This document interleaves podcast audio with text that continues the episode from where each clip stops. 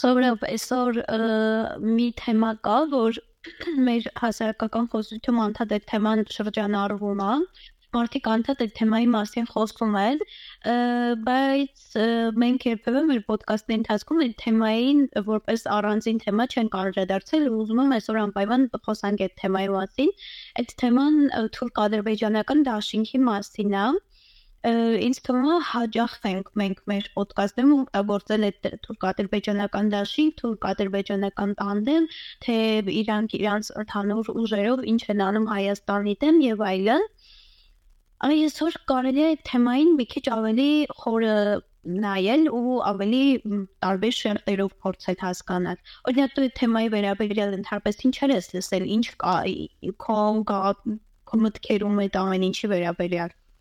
Հենա ես գիտեմ որ օրինակ էդի մի հատ շոր ցուցատալիս որ Թուրքիան ու Ադրբեջանը լավ շատ հավատարիմ իրար հանդեպ դաշնակիցներ են, որ ցանկացած իրավիճակում իրար կողքին են իրաց տեսանկյունից էլ թե Թուրքիայի թե Ադրբեջանի թե միմյանց ուղարկված շնորհավորական խոսքերով, թե միմյանց ուղարկված ցավակցական խոսքերով, այսինքն միջազգային մակարդակում երկկողմանի հարաբերություններում ինչ որ մի հատ բարձրագույն մակարդակի հարաբերությունների մասն է, մեկ ազգ, մեկ պետություն։ Ինչը որ ուղիղ սպառնալիք է մեզ, քանի որ եթե մենք ունենք երկու ճշտարի պետություն աչից ձախից ու իրանք իրար հետ շատ լավ են, շոկոլադնի են, դա մեր համար վտանգավոր են նամանավան երբ որ իրենք նաև նույն ազգն են իրենց համարում այսինքն այդքան չգիտեմ իրանք տարբերություն կա շատ թե իրանք մեկա նույն ազգն են բացի ասելուց բայց առավել եւս իրանք մի ազգ են ու իրար մի պետության մաս են իրար պատկերացնում դա արդեն շատ վտանգավոր է ու շատ մեծ վտանգ է ներկայացնում Հայաստանի հանրապետության համար ու այս իրավիճակում նաև օգտվելով առիթից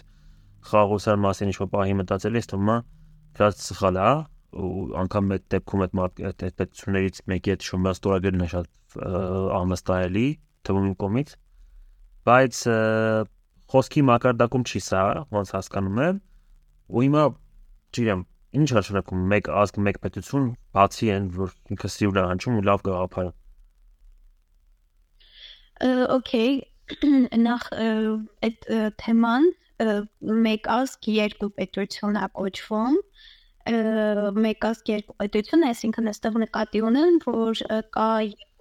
կամ պետություն, Ադրբեջանն ու Թուրքիայի Հանրապետությունը, այնտեղ ապրում են մեկ ազգի ներկայացուցիչներ։ Բայց մի քիչ ավելի խորքից կամ փորձենք այս ամեն ինչին ավելի խորքից նայել Էլ օրինակ ինչ ասես երևակետ թե ես քեզ հիմա ասեմ որ Ադրբեջանը Թուրքիայի քաղաքական նախագիծն է հարավային Կովկասում։ Երբևէ լսել ես նման գաղափար։ Հա, նո պատմական ակնարկների մակարդակով այո։ Բայց մի քիչ բացես լավ կլինի։ Okay, ուրեմն այստեղ շատ լուրջ հիմք կա այդ տեսակետը առաջ մղելու համար, որովհետև իրոք Ադրբեջանը Թուրքիայի քաղաքական նախագիծն է հարավային Կովկասում ու նախքան սովետական միության առաջանալը եւ այլը Թուրքիային պետք էր եւս մեկ տեղ, եւս մեկ պետություն, որ նրանք կունենար իր ներկայությունը ու այդ այս պետությունը պետք է նաև շատ ուղիղ կապ հաստատեր թուրքական մյուս աշխարհների աշխարհի հետ, մյուս երկրների հետ ու որքան իմ տեղեկություններն են ինձ ներում, ես այս թեմայով մի փոքր ավելի խորը գիտելիքներ ունեմ, սա հենց քաղաքական նախագիծ էր Թուրքիայի կողմից Ադրբեջանը քաղաքական նախագիծ էր հետաքրքիր է որ սկզբնական շրջանում Ադրբեջանում չի եղել թուրքական կամ ադրբեջանական գիտակցություն, այսինքն այնտեղի ապրողները չեն ունեցել այդ ազգային գիտակցությունը, այդ ազգային գիտակցությունը ժամանակի ընթացքում ներդրվել մարդկանց մեջ ու բեր հասցրել են նա ադրբեջանական գիտակցության, որ ես ադրբեջանում ապրող ադրբեջանցի եմ իսկ արդեն վերջի շրջանում այդ գիտակցությունը հասցրվել է նրան, որ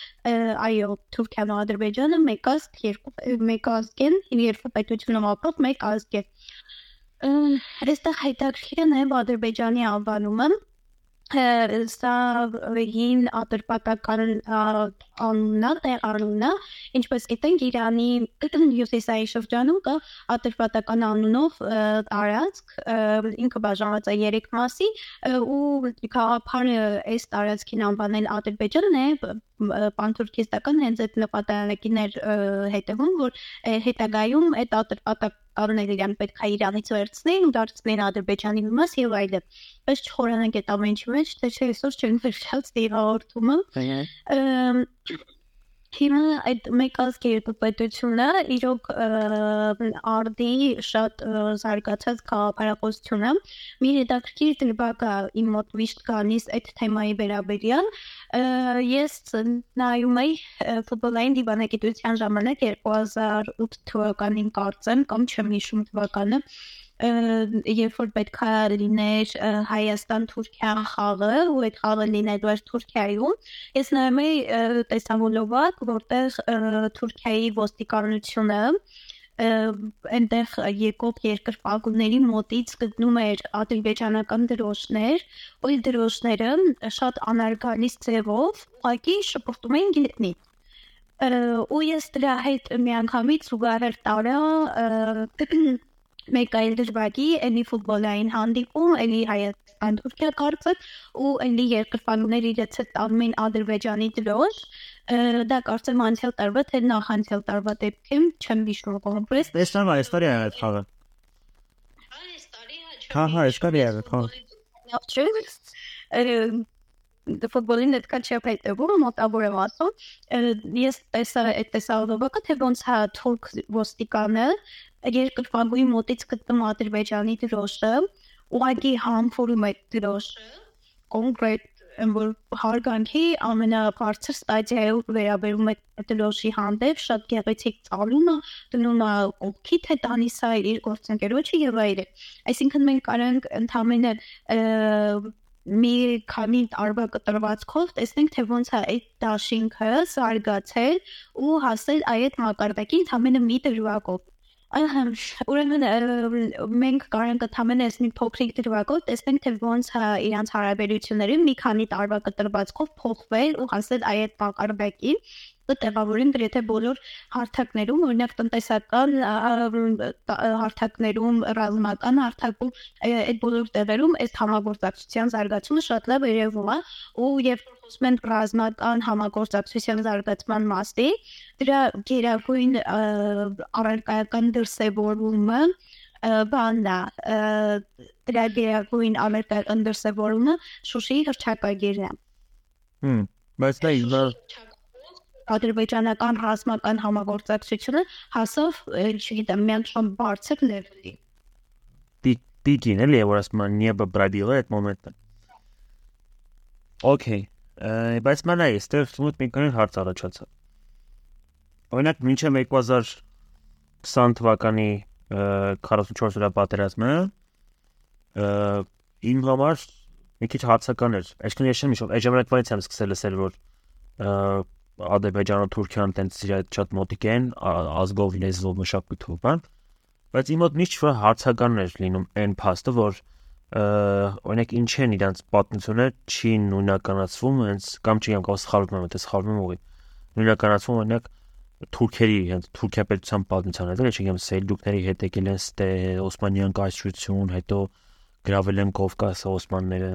հետո ինչ որ պատերազմներ ա եղել, հայտնավ անկախացել են դարձել Ադրբեջանի դեմոկրատական հանրապետություն, հետո չեմ սխալվում,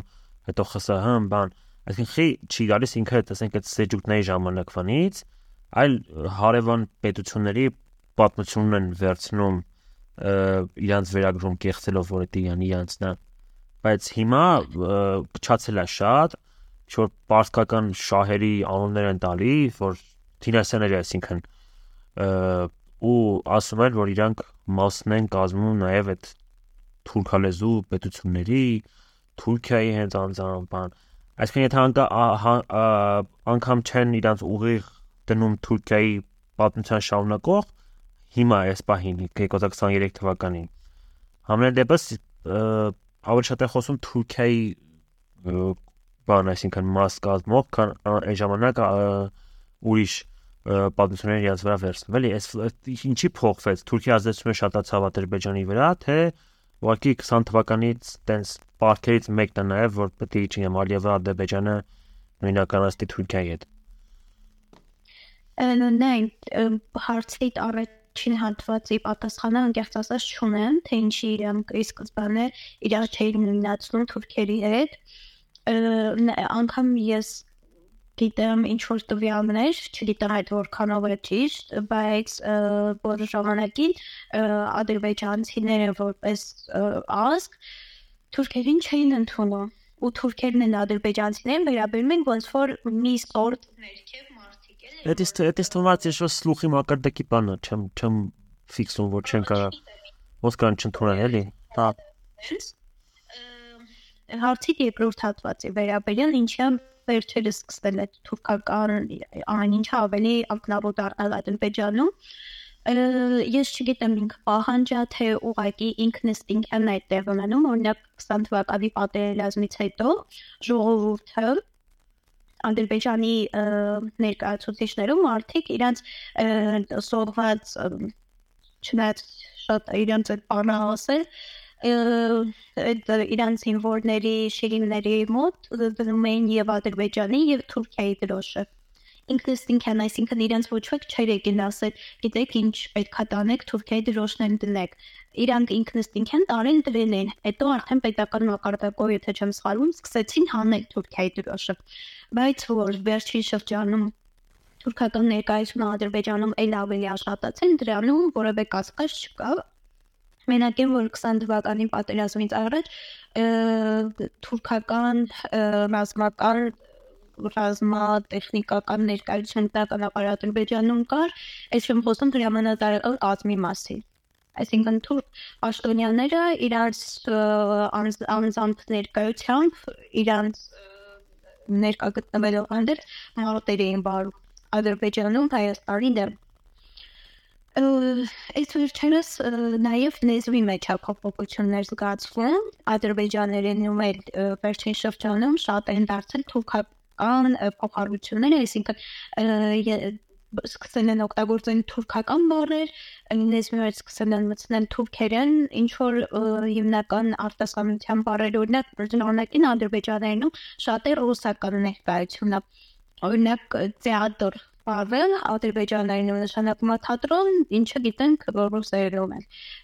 Այդ ռուսական ներկայությունը շատ է, բայց հիմա արդեն թուրքական ներկայությունն է մեծացել։ Մենք անգամ որ ասում բոլոր հարթակներում դա զգացվում է, անգամ լեզվում է դա զգացվում, որ թուրքերենում ավելի շատ սկսել են ադրբեջաներենում ավելի շատ սկսել են թուրքական ակում ունեցող բառեր օգտագործել։ Okay, նայ, բայց բացի այդ մշակույթային կամ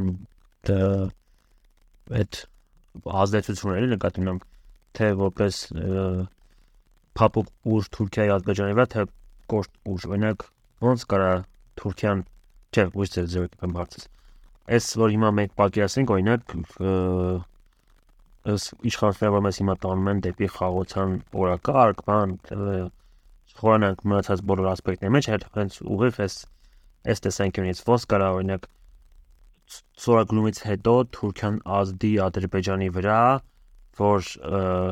բարբերաբար խախտվի այդ պայմանագիրը։ Թե օրինակ պետք չի ընդհանրապես Թուրքիայի խառնվելը մեկ Ադրբեջանը խախտելու է։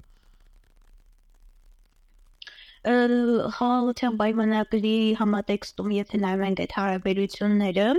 ես հիմա վստահ կարող եմ ասել, որ Թուրքիան ու Ադրբեջանը շատ կոնկրետ համագործակցում են այդ թեմայով, այսինքն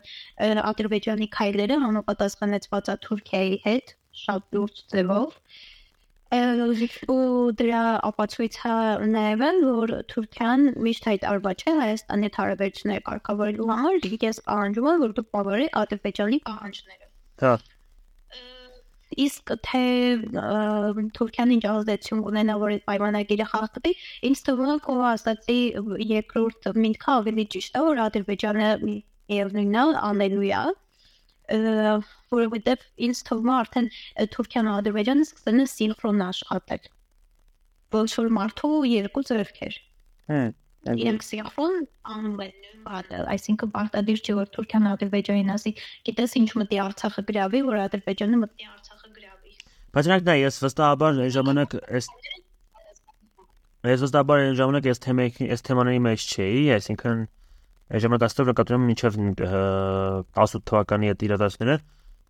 այդքան շատ չհետաքրված չէի, բայց մեկը առաջի կուրսի ուսանող էի ու գիշոր ձև պատկերացնում էի, որ Ղարաբաղյան խնդրի մեջ կամ ընդհանրապես հայ ադրբեջանական ամեն ինչի մեջ Թուրքիայի ազդեցությունը այդքան շատ չի ու եթե չեմ սխալվում Թուրքիան ուշ մի ձև չէր մեկնաբանում, այսքան շատ Հայաստանին չէր դիմում, այսքան շատ Հայաստանին հորդորներ չէր անում, կամ ես չեմ նկատել բացեմ դողը։ Այո, օրինակ երբ սկսվեց ակտիվանալ 44-րդ պատերազմից ամենջապես առաջ, թե այն ժամանակ, երբ որ օրինակ Թուրքիան հստակ զգում էր, որ Ադրբեջանը Հայաստանից ուժեղ է ու Ադրբեջանին դրթելով անընդհատ կարան ինչ-որ մի բան խլեն ու շարունակեն իրաց այն գործը, որ Հայաստանը իրաց խանգարում է մեկը այստեղ Ոյ, այս թեմայով օրինակ ես մի քիչ ավելի հետ կգնամ, այս ոնց որ քո հարցին նկամ վերաբերում է թե իրանց հարաբերությունները երբ սերտացավ ու իրանց դաշինքը երբ ուղղեց հենց Հայաստանի դեմ։ Հա, հա։ Երբ որ հետ են գնում ու այդ հոմոնտան ֆուտբոլային դիվանագիտությանը այդ ժամանակ Թուրքիան ռեալ գնում էր ինչ որ քայլերի Հայաստանի հետ հարաբերություններ կարգավորելու համար ու Հայաստանի Հանրապետության իշխանությունների ասենց թաքնված ակնկալիք չասեմ, բայց ակնկալիքներից մեկը նաև այն էր, որ իրանք պետքան Թուրքիայի ու Ադրբեջանի միջև հատասություններ մտցնել Այսինքն նարին հարաբերություններ Թուրքիայի ու Ադրբեջանի մեջ միջև ինչը ստացվում է երբ որ գյուղը գալիս է Հայաստան արդեն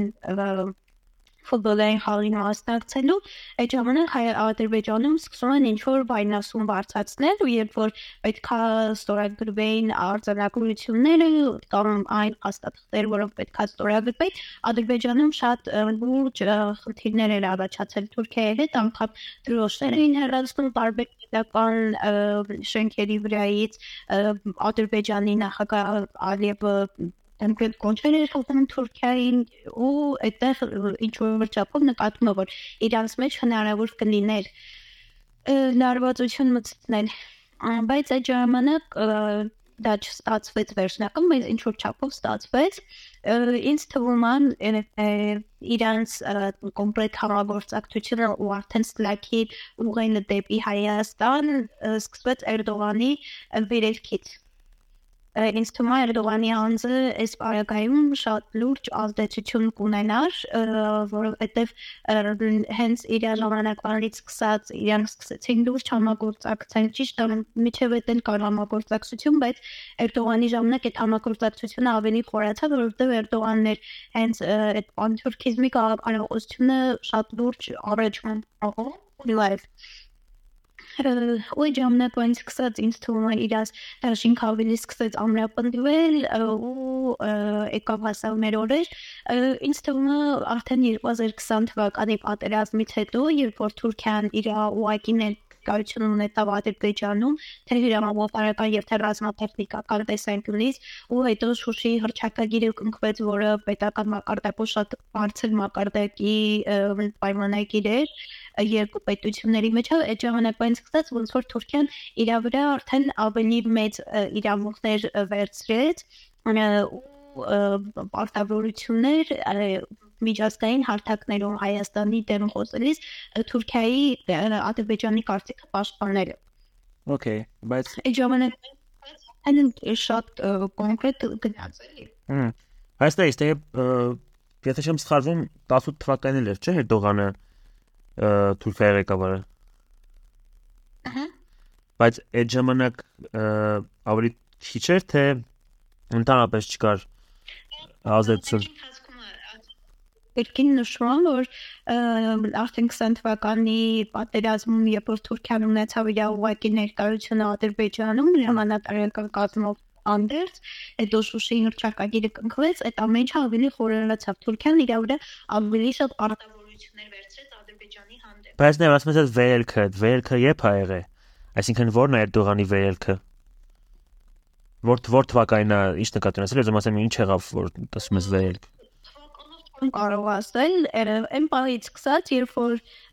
Էրդողանի վարչակազմը վերացրեց դրող խնդիր հարևանների հետ բանը։ Հա, հա։ Այո, հա։ Հենց ստացվեց այնպես, որ Թուրքիան գրեթե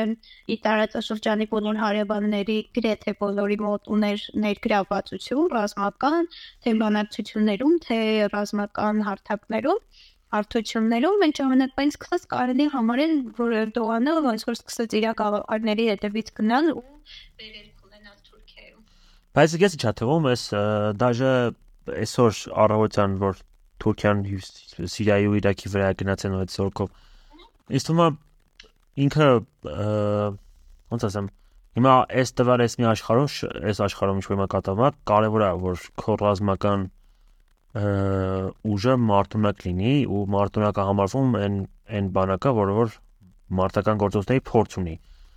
Հիմա Ամերիկայի բանակը ինչքան ժամանակ է միշտ միշտ բոլոր աշխարհամասերում ինչ որ պատերազմների մեջ ավ ինքան անընդհատ, անընդհատ, անընդհատ կռվում է ու Ամերիկայի բանակը փաստացի հիմա մարտունակ բանակը, որտեղ միշտ պատերազմների մեջ է։ Հիմա Թուրքիան էր արդեն վերջի մի քանի տարվա ընթացքում ինքը Թուրքիայի բանակը միշտ պատերազմների մեջ է ու իրանք այդ բան ունեն, ոնց ասեմ, հայերեն չգիտեմ, բայվոյ փորձ ունեն, էլի այդ այդ առումով։ Այսինքն ինչ որ պահի մտանեմ հարցից, եթե պատկերացնենք մի օր մի 10-15 կամ ինչ որ մի տարիներ անց, ասենց ասեմ, Հայաստանն ու Ադրբեջանը բերի Հայաստանը որոշում է որ պետք է Արցախի երկրորդ անգամ վերազատագրվի։ Օրինակ, ինչ ես կարծում տենց ապագայում էլի սենց որ սենց մի աչքով նայեմ ես հնարավոր է օրինակ որ Թուրքիան խառնվի Ադրբեջանի կողմից կամ այսինքն ոնց կխառնվի կհարցակվի Հայաստանի վրա թե ուղղակի բանակներ բանակ ուղարկի Ադրբեջանի Թուրքի Ադրբեջանի համար կրվելու